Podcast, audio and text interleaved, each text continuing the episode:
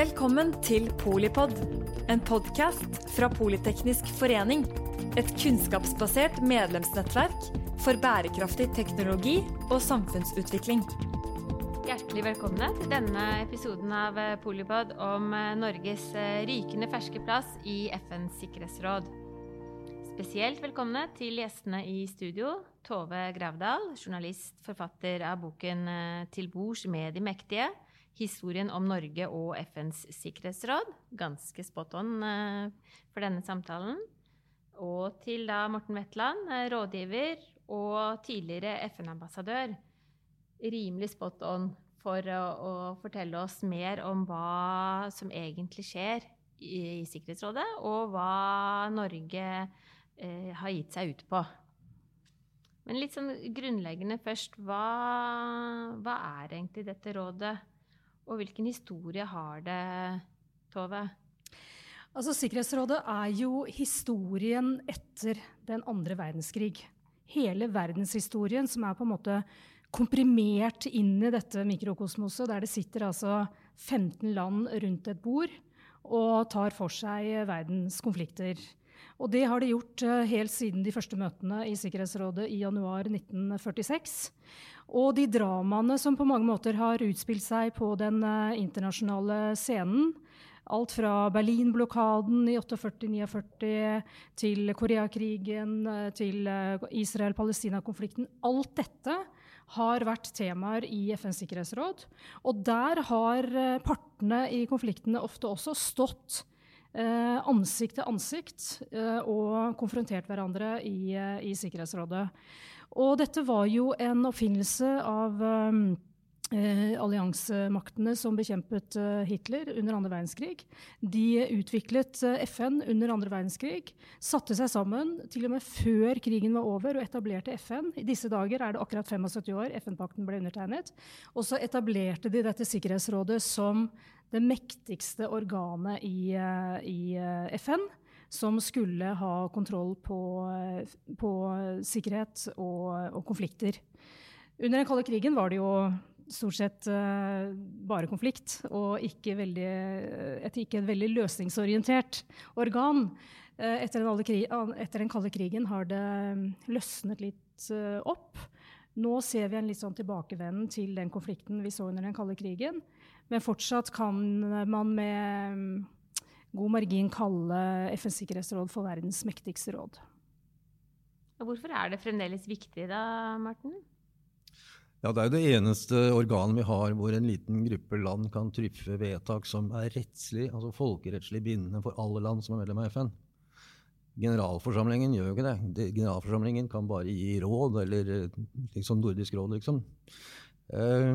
Og det å, en, uh, å, delta der, det er kvalitativt helt forskjellig. Det er liksom, Der møter du på vegne av alle som har stemt på deg, pluss alle som ikke har stemt på deg. Eh, og må oppføre deg ordentlig, og må kunne sakene. Og det er alvor. Vi snakker om, eh, det, blir ikke, det er ikke de lette sakene som kommer i Sikkerhetsrådet. Så Noen kommentatorer har sagt at ja, men det blir så vanskelig. og sånn. Ja, men hvis det ikke var vanskelig, så var det ikke noe vits i. Det er det som er vanskelig, som er vits i. Og da eh, er et land som Norge, som greier å sette inn ressurser, og som i de senere 20 årene har bygd opp en ganske stor kompetanse på mange konfliktområder, jeg er helt sikker på kommer til å gjøre det der på en måte som står respekt av.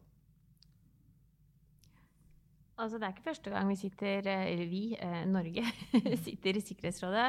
Mm. Men eh, hva slags rolle har vi? Det høres ut som en eh, store sko å fylle. Hva har vi gjort der før? Hva gjorde vi sist? Jeg satt jo i Sikkerhetsrådet sist Norge var, uh, var, medlem av rådet, i 2001-2002. Da var jeg presseråd i eh, FN-delegasjonen i New York høsten 2002. Og jeg vil påstå at aldri, verken før eller siden, har det vært større interesse internasjonalt for hva Norge mente om et internasjonalt konfliktspørsmål, enn akkurat den høsten. Da uh, satte daværende president George Bush i gang en prosess i FN for å få Sikkerhetsrådets støtte til å bruke væpna makt mot Saddam Hussein i Irak. Um, og Norge var et av landene, et av de 15 landene i rådet som, som, USA da ville ha støtte fra.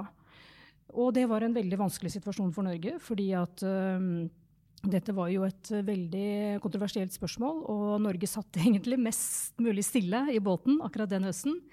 Men jeg fikk nesten uh, ukentlig telefoner fra CNN og Reuters og BBC og sånn, som ville vite hva mener Norge. Vil dere støtte USA?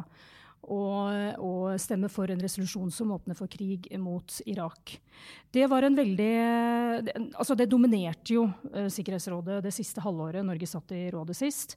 Året før eh, skjedde jo 11.9., som også dominerte dagsordenen i Sikkerhetsrådet. Men ved siden av det så var det jo uh, det var flere gjengangere på rådets agenda Israel-Palestina-konflikten. hvor Norge bl.a. bidro til å forhandle frem en resolusjon som ikke ble, som USA ikke nedla veto mot. Noe de ofte gjør når det gjelder resolusjoner som omhandler den konflikten. Og eh, Norge jobbet også mye med fredsvårende operasjoner, med beskyttelse av sivile og med eh, konflikten Eritrea-Etiopia, Somalia. Det var mye som sto på agendaen. Og noe av det, altså det som tok mest tid faktisk for Norge den gangen, det var å lede sanksjonskomiteen for Irak. For som en, eh, et ledd i denne oppkjøringen til krigen eh, mot Irak, så var det jo sanksjoner mot Irak som eh, Sikkerhetsrådet hadde iverksatt allerede i 1990. Og Norge hadde den meget krevende oppgaven å lede den sanksjonskomiteen. Det var veldig veldig tidkrevende og politisk veldig krevende. Du var jo, Morten, del av kampanjen den gangen. Ja, og altså, Hvordan ble det til? Ole Petter Kolby het han som var FN-ambassadør der. Han er veldig, har jobbet med FN-saker hele sitt voksne liv og litt lenger. Uh, og da vi hadde innspurten til debatten, da, så var det én ting han stadig kom tilbake til. Det var at han gruet seg til å bli leder for den der Irak-komiteen. For der var jo det vanskeligste man kunne tenke seg i FNs historie omtrent, kom der på bordet. Ja. Og det skulle han sitte og, og lede. Et, han sier jo i boken min, han kaller jo den komiteen for en drittkomité. Sier han nå når han har gått av med pensjon. ja, men, det, det, var en kjempekrevende jobb. Ja, det, og det, det viste seg jo også etterpå at uh, hele sanksjonsprogrammet var jo veldig korrupt og veldig veldig dysfunksjonelt. Så det førte til, som de sa etterpå, da, at et av det mest iøynefallende resultatet av det arbeidet var at Ole Petter Kolby hadde ikke sett en solstråle på to år da han omsider slapp ut av Sikkerhetsrådet. Perioden var over. Mm. Det krever helt sikkert eh, sin mann og kvinne, men er ikke, Norge er jo ikke det eneste landet der. Så er, altså, litt mer av hvordan, hvordan, ser det ut bak kulissene når eh, ja, den kampanjen den gangen og, og, arbeidet den gangen og liksom valgprosessene frem til nå. Hvordan, hvordan ser det ut fra New York? Nei, altså, eh, dette er jo når er ballet til Sikkerhetsrådet, det er 17. mai, julaften, bursdag, alt på en gang. Det er det morsomste vi veit der borte. Da kommer alle. Og så møtes man inn i denne store salen, og da får man snakket om 20 andre ting, fordi man treffer alle kolleger fra alle verdens land der i de timene som det valget starter. Og noen har begynt da kampanjen 13 år i forveien, sånn som Norge hadde nå. Andre land kjører kortere kampanjer. F.eks. Tyskland bruker ca. to år, ikke ti. Eh, og, eh, og, veien dit er litt forskjellig. Altså, den vestlige gruppe, altså FN er inndelt i regionale grupper. Vest-Europa, du har det gamle Øst-Europa, som fortsatt er en gruppe i FN. Så har du Latin-Amerika, Afrika, Asia, Pacific. Fem regionale grupper. Og Vesten er de som krangler mest. Som ofte kommer med flere kandidater enn det er plass til. Mm. Afrika gjør nesten aldri det. Så for å vinne i en vesteuropeisk sete, så er det viktigere å begynne tidlig, i hvert fall ofte mellomstor, og ikke etter Tyskland, enn i Afrika, hvor afrikanerne på en måte gjør opp dette her i si, seg imellom, med ingen andre til stede. Eh, og det pleier ikke å ta så lang tid. Nå er det blitt så mye snakk om at det brukes for mye ressurser på kampanjene, og små land har ikke råd til å drive disse kampanjene, sier de. Eh, at nå er, tror jeg det blir færre sånne kampvoteringer i tiden framover. For det fins eh, sånne skjemaer borte i FN nå som egentlig viser hvem som kommer til å være kandidat også om 30 år. Det er for så vidt gjort opp på kammerset, det aller aller meste. Men det er alltid lov å melde seg på seinere, så vi vet ikke, vet ikke sikkert. da. Så eh Norge har jo Nå er det 20 år som vi var her sist og 40 år siden vi var der gangen før der igjen. sånn at i Norge, i det norske miljøet, er en slags form for forventning foreløpig om at Norge kan prøve på det der hvert 20. år. Eh, og så har vi, Når vi ser tilbake, så ser vi at Norden har prøvd å ha et land inne i en, i en rotasjon. Sånn at vi følger etter hverandre, og så begynner vi om igjen. Um, og dette er blitt verre, da, ettersom uh, Norden har jo vært med fra unntatt Finland. da. Kommer litt senere, Men de andre har vært med fra starten av. Mens det er blitt flere og flere land, og det er fortsatt 50 land i FN som aldri har vært medlem av Sikkerhetsrådet. Og det er en bevegelse i gang for at små land må kunne greie å komme med i Sikkerhetsrådet. De burde ikke gjøre det, men de, de gjør nå det, da. Uh, sånn at det er, det er, veldig Alle veier fører til Rom, f.eks. Altså, men det er veldig forskjellig hva de forskjellige må gjøre. Og Norge hører altså til de som må jobbe hardest. Fordi det er konkurranse i gruppa, fordi vi er mellomstore. Vi ser av resultatene de siste 20 årene at Nato-land scorer dårligere enn ikke-Nato-land fra Vest-Europa. Hva kommer det av? Kommer av til Nato-land. Ikke sant? Eneste unntaket i 2008 var Tyrkia fikk Men Tyrkia er jo ikke helt vanlig Nato-land. Men Sverige fikk jo flere stemmer enn oss da de ble valgt inn for fire år siden. Uh, og Ny-Zealand fikk 15 stemmer mer enn Norge da de var kandidat. Ikke Nato. Og Nato, Tyskland 129 er omtrent det samme som oss. Da. Men det er jo faktisk derfor eh, overraskende og oppsiktsvekkende at Norge fikk 130 eh, stemmer og Irland fikk 128. For det var jo i denne valgkampen regnet med at eh, Irland var liksom den soleklare, eller i hvert fall en klar favoritt lenge, nettopp fordi de ikke er Nato-medlem, og fordi de ikke har så mange fiender rundt omkring i verden, eller har provosert så mange. Så, så, det at Norge faktisk fikk 130 stemmer, og, og, fikk flere stemmer enn Irland, det var både litt overraskende og eh, sant å si en eh, ganske stor seier for, eh, for norsk eh, diplomati. Hva betyr det da? Dette er jo ikke en eh, fotballkamp liksom, hvor du slår eh, Irland. Dette, dette får noen store konsekvenser. Ja, helt misforstått. Det, det, dette er fotball. Det er fotball, ja. det er, det er, er prestisjekamp. Okay. Og han må få flest stemmer. Jeg har brukt halvt år av mitt liv på å slå Belgia i en avstemning en gang. Så, Nettopp, ja. Mm. ja. Nei, da trekker jeg det tilbake. Men hva er egentlig Jeg har skjønt det er en sport, da, i hvert fall. ja. Men, eh, men når seieren er eh, vår, hva skjer? Altså, nå må jo uh, norsk UD gire veldig om fra valgkampmodus gjennom 13 år til å forberede seg på, på jobbe i Sikkerhetsrådet. de må nå, frem til 4.11, bygge opp to scenarioer. Det ene med Donald Trump som USAs president, det andre uten Donald Trump.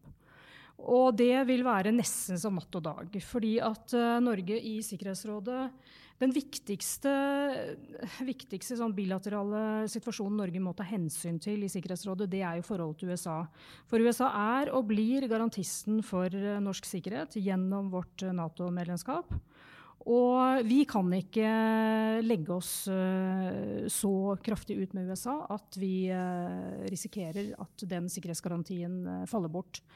Og eh, gitt et, uh, altså et nye fire år for Donald Trump, så blir det ekstremt utfordrende. Fordi at uh, Trump bryr seg jo ikke noe om multilateralt samarbeid. Han er ikke noe glad i Nato, og han er like lite begeistret for FN. Og, og, vi kan risikere og, og, i tillegg så fører jo USA en utenrikspolitikk på veldig mange punkter som Norge ikke kan være enig i. Det gjelder f.eks. Israel-Palestina-spørsmålet, hvor uh, det er umulig for Norge, som, uh, som forsvarer folkeretten så sterkt som, som, Norge har gjort i mange år, å kunne støtte USAs politikk nå overfor Israel, som går ut på å godkjenne at Israel annekterer Golan og områder på Vestbredden osv. Disse spørsmålene er jo oppe i Sikkerhetsrådet stadig vekk. og under en Trump-administrasjon så vil da Norge bli nødt til å konfrontere USA i Sikkerhetsrådet. Og det blir ekstremt krevende. Med en Joe Biden-administrasjon så blir det jo annerledes. Da kan vi regne med at uh, den amerikanske utenrikspolitikken ligner mer på Obamas. Og under Obama var det jo mulig å få til uh, også kritiske merknader til uh, Israels politikk i Sikkerhetsrådet og ellers. Og, og det å forberede seg på, på, disse, og hvordan man skal håndtere disse stormaktskonfliktene i rådet, det er én ting. Eh, noe annet Norge må gjøre, er å gå gjennom absolutt alle konflikter i hele verden og se ok, vi må vite noe om det, vi må vite noe om det. Og Svenskene forteller en veldig morsom historie om akkurat det. fordi at eh, de månedene etter at de ble valgt i 2016, eh, så hadde de liksom satt opp en hel masse og bygde opp kompetanse på all verdens konflikter. Og så kom de inn i Sikkerhetsrådet i januar 2017 og fikk presidentskapet i rådet tilfeldigvis også den samme måneden. Og de var veldig grundige og godt forberedt. Og så var det kupp og, og uro i Gambia. Mm. Og de hadde ikke peiling hadde ingen kompetanse på Gambia. Så Olof Skog sa til meg, FN-ambassadøren deres, og sa han ja, da måtte man improvisere. sa han. Og det gjorde de, og de greide det. Og det ble jo faktisk eh, det ble jo en løsning i Gambia hvor presidenten som nektet å gå av, måtte, ble tvunget til å gå av i samarbeid mellom Sikkerhetsrådet og regionale eh, land i, i, rundt Gambia. Så eh, Norge må bygge opp kompetanse nå, og så må man forberede seg på det steinharde arbeidet som det er å sitte i rådet. With all due eh, respect, så er det Vi er vel en mygg eh, likevel, da, Morten, som Norge Altså, hva kan vi få utført, og hva, hva er det beste og hva er det verste som kan skje? Nei, mens Tove snakket, så kikka jeg på hvem fordi at Sverige måtte improvisere. Det er det alle andre land kaller langsiktig planlegging. Ikke sant? Sånn at Det fins verre slurvekopper enn Sverige i Sikkerhetsrådet. Ikke sant? Og når f.eks. Eh, Ekvatorial-Guinea er president i Sikkerhetsrådet, så må du ikke regne med at kompetansen om Asia er så veldig i førersetet hos akkurat presidenten. Um, så, så uh, jeg, altså, neste gang vi blir president, det tror jeg tidligst halvannet år til. Mm. Og, og, da har vi jo hatt et mellomliggende stortingsvalg. Vi får jo håp Iallfall jeg personlig vil håpe at det er lenge siden at vi har glemt Donald Trump. Um, jeg tror ikke det er noe poeng i å prøve å finne noen middelvei mellom Trump og resten av verden i Sikkerhetsrådet hvis han fortsetter. Um, det tror jeg vil være ukledelig. Og, og jeg er ikke så bekymret for om Nato-garantien står i lag. I og med at Donald Trump personlig eh, ikke, ja, nesten liker bråk. Ikke? Liker bråk og sett, legger seg ut med, med, sin, med verden. Um, så, kom, så, hvis vi får en Biden, så, så er det liksom det at det meste er etablerte konflikter. altså De fleste sakene på dagsordenen har vært, uh, vært der lenge. Det er innmari mye detaljer. Det er mandater for fredsbevarende operasjoner, og så blir de endret litt sånn, og sånne ting. Og så er det samarbeid med de som sender troppebidragsytende land, og alt mulig rart sånt. Men det, dette er et sånn kapasitetsspørsmål. Og Norge kan ikke være best i verden på alle disse konflikter, men vi må alltid vite hvem vi skal høre på, og hvem vi skal få, søke råd fra, hvis vi ikke har de beste selv. Jeg, apropos når du spurte om uh, hvorvidt Norge er et lite land. Uh, egentlig ikke. Uh, vi er bare fem millioner, men akkurat nå sitter det et land i Sikkerhetsrådet som heter St. Vincent og Grenadinene. De fleste vet jo ikke hvor det er hen, hvis ikke de driver og seilt rundt i Karibia, med 300 000 innbyggere.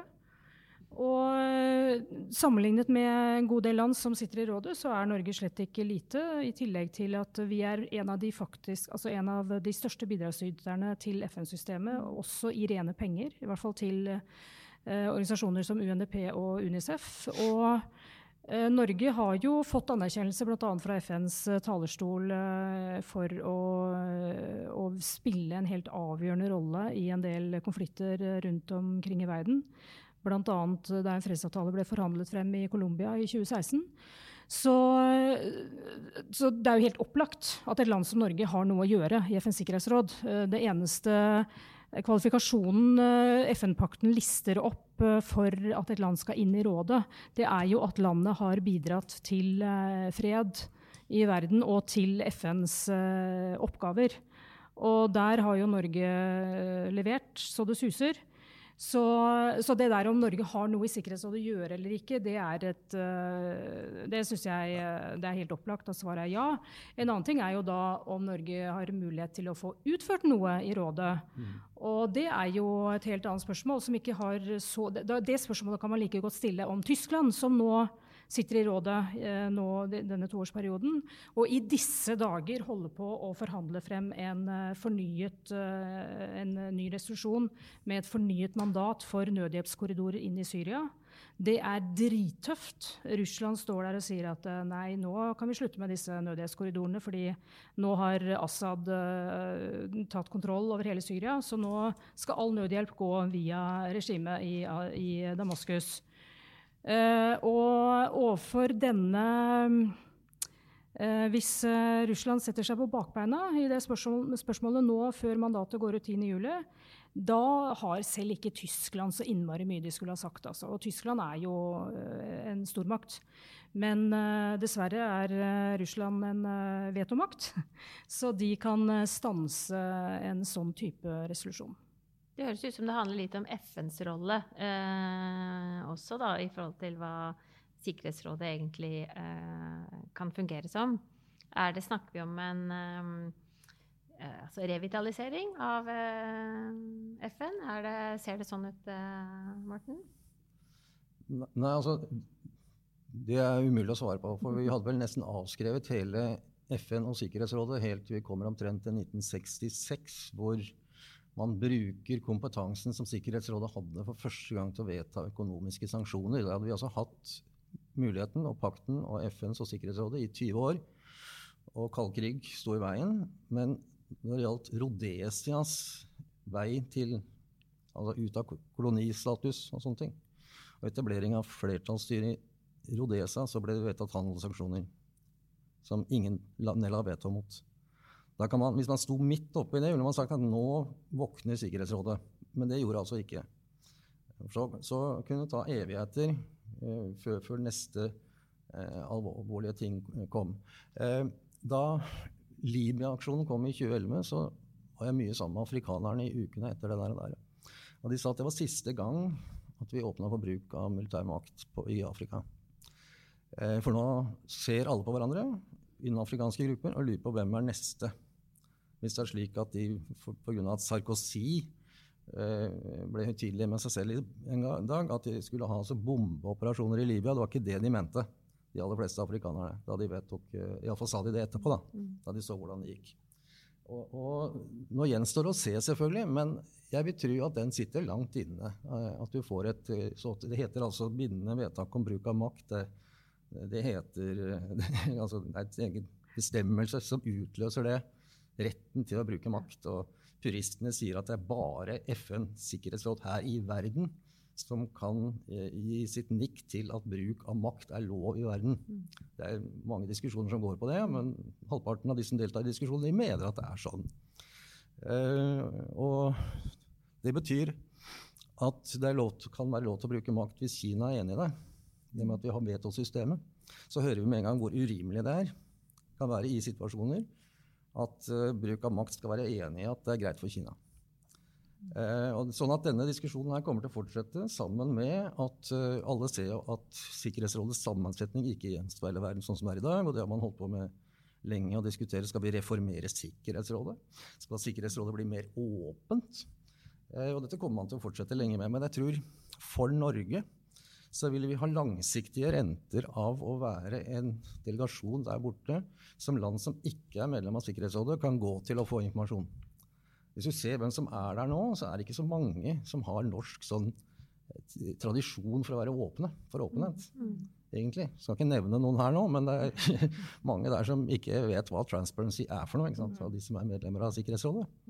Uh, og det kommer til kunne trekke veksler på i lang tid å få det omdømmet og få et nettverk rundt omkring i verden som uh, varer lenge etter at vi har gått ut av Sikkerhetsrådet. Ja, og Det er jo en interessant uh, sits i Sikkerhetsrådet fra nyttår av. fordi at Av de ti valgte medlemmene som, som, blir sittende der neste år, så er det jo én veldig veldig viktig stormakt som Norge skal samarbeide med, og det er India. Og India har jo, har har jo gjort hevd på en fast plass i rådet i lang tid. Og Norge har jo eh, ved flere anledninger uttrykt støtte til eh, India for, å, for et slikt krav. Det har Norge gått veldig stille i dørene med de siste årene, fordi, og det er av hensyn til Kina. Fordi Kina vil ikke ha inn sin rival i Asia, India, som fast medlem av rådet. Så det Norge har sagt nå i kampanjen, det er at uh, ja, vi støtter uh, at et afrikansk land får fast plass i Sikkerhetsrådet. Og det er helt uforpliktende, fordi at Norge vet inderlig vel at de afrikanske landene de greier aldri å bli enige om hvilket land det skal være. Og uh, om det er Sør-Afrika eller Nigeria eller Kenya, er, de kommer aldri til å bli enige om det. Så det, det, er, det er, et ufarlig krav å stille fra norsk side. Legge en liten ting som er en sånn en indre faktisk endring av Sikkerhetsrådet, det er jo at alle ser jo det at vetomaktene det er de store et, etter, like etter den andre verdenskrig var over. Mm. Frankrike og Storbritannia har ikke noe der som fast medlem å gjøre i det hele tatt. De har atomvåpen, da. Det ja. skal sies. Jo, men det er det flere som har. Mm, ja. Eh, det kan ikke være noe kriterium. Men mm. de har altså ikke brukt vetomakta på 30 år. Nei. Så de har vetorett så lenge de ikke bruker den. Mm. Uh, og det er for så vidt allerede en reform. Ja, ja. ja det er det. Det er sånn en, en mer sånn hybrid. Halvpart de får lov å fortsette å sitte, må ikke rydde plassen, men de må ikke bruke veto. Mm. Og det gjør de ikke. Ja. Men det er klart uh, Hva ser du som uh, Hva vil du oppsummere med, Tove? Som det mest utfordrende? Ja, egentlig uh, mulighetsbildet, kanskje. da. Vi er jo i Politeknisk forening vi er veldig opptatt av uh, partnerskap og ja. muligheter ja. og ja, og akkurat partnerskap er jo et nøkkelord. fordi at uh, Hvis Norge skal få til noe i rådet, så er vi nødt til å alliere oss med likesinnede land. Og av dem er jo Frankrike det nærmeste, etter min oppfatning. fordi Storbritannia er jo nå en uh, de er, bruker jo alle sine utenrikspolitiske krefter på å slite seg ut av EU. og Uh, USA, Kina, Russland har sine agendaer, og, og, mens Frankrike står igjen som en uh, sterk forsvarer av uh, det internasjonale samarbeidet, av folkeretten og av et forpliktende samarbeidssystem i verden som som norsk UD, altså utenriksministeren, sier at uh, det er Norges fremste utenrikspolitiske interesse å ivareta og styrke det multinasjonale samarbeidet. Altså dette nettverket av lover og regler og institusjoner som regulerer eh, samarbeidet mellom land, i stedet for at det er den sterkestes rett som, uh, som rår. Og, så må vi bygge allianser med land både i og utenfor rådet som er likesinnede, og som kan kjempe på flere fronter for å ivareta dette systemet. Fordi dette systemet er nå under press. Etter fire år med Trump så er altså så mye av dette allerede raknet. Atomavtalen med Iran i 2015, som var en stor seier for internasjonalt diplomati, er, eh, betyr ingenting lenger. Eh, klimaavtalen som ble fremforhandlet i Paris, USA gir blaffen. Og, og, Trump er bare opptatt av å forholde seg til ett og ett land av gangen, og da kan han oppføre seg som den sterkeste bølla i klassen. Og det er, eh, det er virkelig mye som står på spill nå. Og for Norge, som da har så sterk interesse av at disse reglene blir respektert, må sette inn uh, støtet for å, å, alliere seg med de andre som mener det samme. Mm. Og nå er det, det kan hende at det beste Norge kan oppnå ved å sitte i Sikkerhetsrådet, er å bremse forverringen. At det er, liksom, det er, et, eh, det er bra nok. Fordi at uh, eh, akselerasjonen mot et forverret samarbeidsklima internasjonalt er eh, så stor som den er nå. I tillegg til at det autoritære Kina eh, dundrer inn i tomrommet som USA etterlater seg i de internasjonale organisasjonene, og sier ja, ja, ja, vi skal ha multilateralt samarbeid, vi er for. Men kom ikke her og snakk om menneskerettigheter, altså. Det skal vi ikke ha noe av. Er det fransk som er uh, diplomatiets språk? Hva sa du? At... Er det fransk som er uh, diplomatiets språk? Nei, jeg husker Chirac hadde møte med Gro en gang hvor han begynte med å si at uh, bare så det er sagt, Gro, denne samtalen fører jeg på engelsk, nei, på fransk, og så fortsatte han å snakke engelsk. Mm. For den franske president snakker fransk også når han snakker engelsk. Men det med Kina, altså, å observere Kina i FN, det er litt sånn Eh, I FN-pakten er det en bestemmelse om at FN ikke skal blande seg inn i indre anliggender. Og så har vi forskjellige oppfatninger av hva som er indre anliggender. Og Norge har jo ment at menneskerettigheter er ikke indre anliggender nok til at FN ikke kan blande seg. Kina har motsatt standpunkt. Så Kina i FN det handler i grunn om å verne om de kan la mange diskusjoner bare gå dagevis, ukevis, år ut og uten å blande seg noe særlig, men de passer på indre anliggender. Eh, sånn at Hvis Spania for eksempel, altså med voldelig makt slo ned en oppstand i Baskeland, så vil Kina støtte Madrid i den saken der. Av konsekvenshensyn. Fordi at de vil altså ikke ha noe innblanding i Kina. på noe fred. Eh, eh, det er det og vetoretten som Kina handler om. Ellers så bryr de seg egentlig ikke så innmari mye om det som skjer i FN. Men eh, i uh, valget, da, hvem var det som uh, stemte på Norge, og, og, hvem stemte vi på? Uh, tror du, Morten? Ja, Da er det jo hemmelig valg i FN. Det foregår på en sånn gammeldags måte at man tar et A4-ark og skriver inn i rubrikk navn på det landet man stemmer på. Men eh, jeg vil nok si at eh, det er nesten umulig å vite det. Eh, unntatt at Norden har stemt på oss. Så er det noe man snakker om der borte, så er det en løgnfaktor. At man må regne med at så og så mange prosent som man lovet at de skal stemme på Norge, ikke har gjort det i praksis. Da Island ikke ble valgt inn for tolv år siden, sa de at 40% av de som hadde lovet å stemme på dem, ikke gjorde det. Så det er veldig vanskelig å vite, egentlig. Men når, hva vi har stemt på altså Når det gjelder konkurrentene våre, så har vi jo, går jeg ut fra som en selvfølge, ikke stemt på dem. Man er ikke nødt til å bruke alle stemmene sine i Sikkerhetsrådet. Så jeg, jeg har vært med på dette flere ganger sjøl, og bare stemme på Norge hvis vi er i konkurranse med andre land. Og ikke gi bort noe for å være gem eller grei. Og det samme regner jeg med at Irland har bare stemt på Irland, og Canada har bare stemt på Canada. Og så ser jeg tallene altså at i tillegg er det ni, ni, andre land som har uh, bare stemt på ett land i vår gruppe. Uh, så vil jeg regne som en selvfølge at vi har stemt på India, siden de var eneste kandidat fra sin gruppe.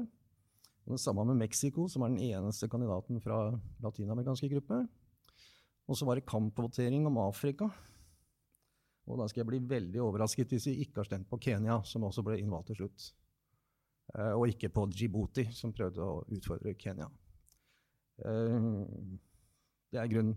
Alt annet blir bare enda mer spekulasjon enn det jeg allerede har gjort. Det er ikke Grand Prix, altså? Du kan rett og slett stemme på deg selv? Du stemmer på deg selv, ja. Jeg, jeg, jeg har vært med på dette flere ganger. Vi prøvde også å få Norden med på det for tolv år siden, og bare stemme på Island. Men det var visst noen av de andre nordiske landene som hadde lovt bort sine stemmer til noen av Islands konkurrenter. Og da jeg tok opp det med de nordiske landene, så var det for å sette et eksempel som vi skulle bruke nå. Altså vende Norden til at vi stemmer ikke på Nordens konkurrenter til Sikkerhetsrådet. Det er blitt for knivskapt Vi må bruke alle lovlige midler. Ja. Vi bryr oss jo nå om det som skjer i FN. Vi, eh, Norge skal rett og slett eh, inn der 2021-2022. Det er eh, kort tid til. Jeg må bare si takk for det gløttet dere har gitt oss. Både inne i kulissene og både med noen fakta om hva det egentlig handler om, Sikkerhetsrådet. Noen innspill på hva den rollen bør brukes til. Så da mulig dere skal komme tilbake, og så kan vi se litt hvordan det er eh, gått, sånn midtveis. Tusen takk, Tove Gravdal, eh, journalist eh, og forfatter av boken 'Til bords med de mektige', som er historien om Norge og FNs sikkerhetsråd.